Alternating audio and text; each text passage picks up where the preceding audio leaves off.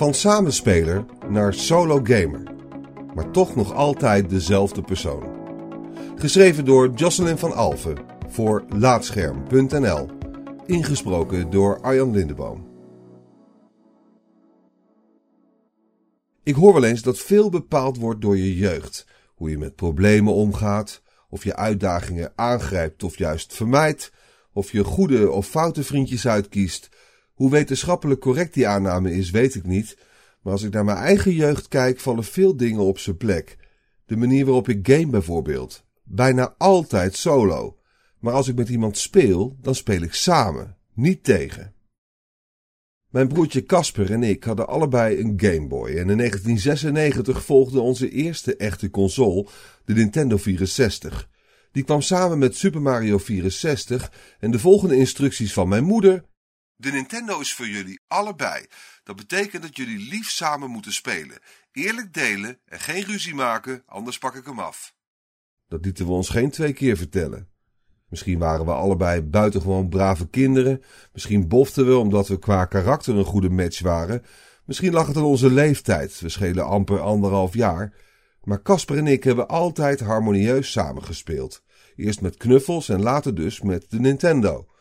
Super Mario 64 speelden we omste beurt, ieder een level. Na dat spel volgden meer singleplayer games die we op dezelfde manier speelden. The Legend of Zelda Ocarina of Time, Banjo-Kazooie, Paper Mario, Yoshi's Story, Harvest Moon. We hielpen elkaar door moeilijke stukjes, lazen elkaar de schermteksten in grappige stemmetjes voor en hadden eindeloos veel plezier. Ruzie? Nooit. Zelfs games die nadrukkelijk bedoeld waren om competitief te spelen, Mario Kart 64, Super Smash Bros., Mario Tennis, Mario Party, GoldenEye, Star Wars Racer, speelden we samen. We kozen voor coöperatieve speelstanden of teambattles en bestonden die opties niet, dan spraken we gewoon af om elkaar te helpen in plaats van te verslaan. Elkaar een loer draaien kwam niet eens in ons op. Waarom zou het ook? We hadden op deze manier al zoveel lol. Aan harmonie hoeft niet gerommeld te worden. Casper en ik werkten samen als een geoliede machine en geen enkele computertegenstander kon op tegen ons teamwork. Als spelende wijs leerden we zo effectief samenwerken. Ik ben ervan overtuigd dat die vele middagen en avonden samen voor ons een groot deel hebben bijgedragen aan hoe hecht we vandaag de dag nog zijn. Toch hebben mijn broertje en ik onze verschillen. Zo is Casper van zichzelf een veel competitiever persoon dan ik. Ter illustratie, tijdens onze basisschooljaren ging hij op hockey, ik op paardrijden. Zijn vriendjes knalde hij neer in GoldenEye. Met mijn weinige gamervriendinnetjes ruilde ik gezellig Pokémon. In de puberteit begonnen Casper en ik steeds vaker apart te gamen. Niet alleen omdat hij een competitiever en socialer type was dan ik destijds, maar ook puur omdat ik ook op de middelbare school weinig vrienden had met interesse in games. Dus speelde ik steeds meer solo action-adventure games en hij online shooters tegen vrienden en vreemden.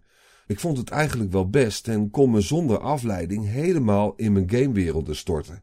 De perfecte manier om bij te komen na een drukke dag op school. Ook tegenwoordig speel ik nog steeds het meeste in me up. Dit keer niet om bij te komen van school, maar van een drukke dag op kantoor. Casper game niet meer zoveel als vroeger, maar als hij een controller grijpt, dan is dat voor een potje Call of Duty en FIFA met on- en offline vrienden. Grappig hoe onze formatieve jaren zoveel invloed hebben gehad op niet alleen onze speelstijlen, maar ook op het type games dat nog altijd onze voorkeur heeft. Traditionele shooters bijvoorbeeld. Natuurlijk heb ik ze geprobeerd, maar vrienden headshotten voelt gewoon onnatuurlijk. Doe me dan maar Bloodborne of Persona of Zelda. En als ik samen speel, dan het liefst offline co-op. Niets is gezelliger dan samen op de bank zitten met Mario Kart 8, lachend, gierend en brullend over bananenschillen en blauwe schilden. Zoals vroeger. Klinkt weinig harmonieus, zeker voor een type als ik, maar de minder ervaren Mario Karters in mijn vriendenkring loods ik met liefde Rainbow Road door. Pas op jongens, ik lig op kop en er komt zometeen een hele scherpe haarspeldbocht naar rechts aan. En iemand raken met een schild gaat altijd gepaard met een welgemeend sorry. Wat kan ik zeggen? I'm a lover, not a fighter.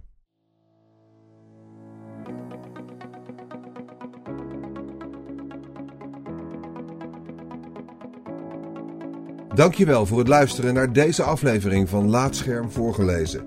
Als je waardeert wat we hier doen, dan zouden we het leuk vinden als je iemand anders vertelt over laatscherm.nl of een van onze verhalen deelt op social media. Je kunt ook heel eenvoudig 5 sterren achterlaten in de podcast-app van Apple en eventueel een recensie, waardoor we weer beter vindbaar worden voor anderen. Luister ook naar onze andere podcast, Praatscherm, en ga voor meer verhalen, geschreven of gesproken, naar laatscherm.nl.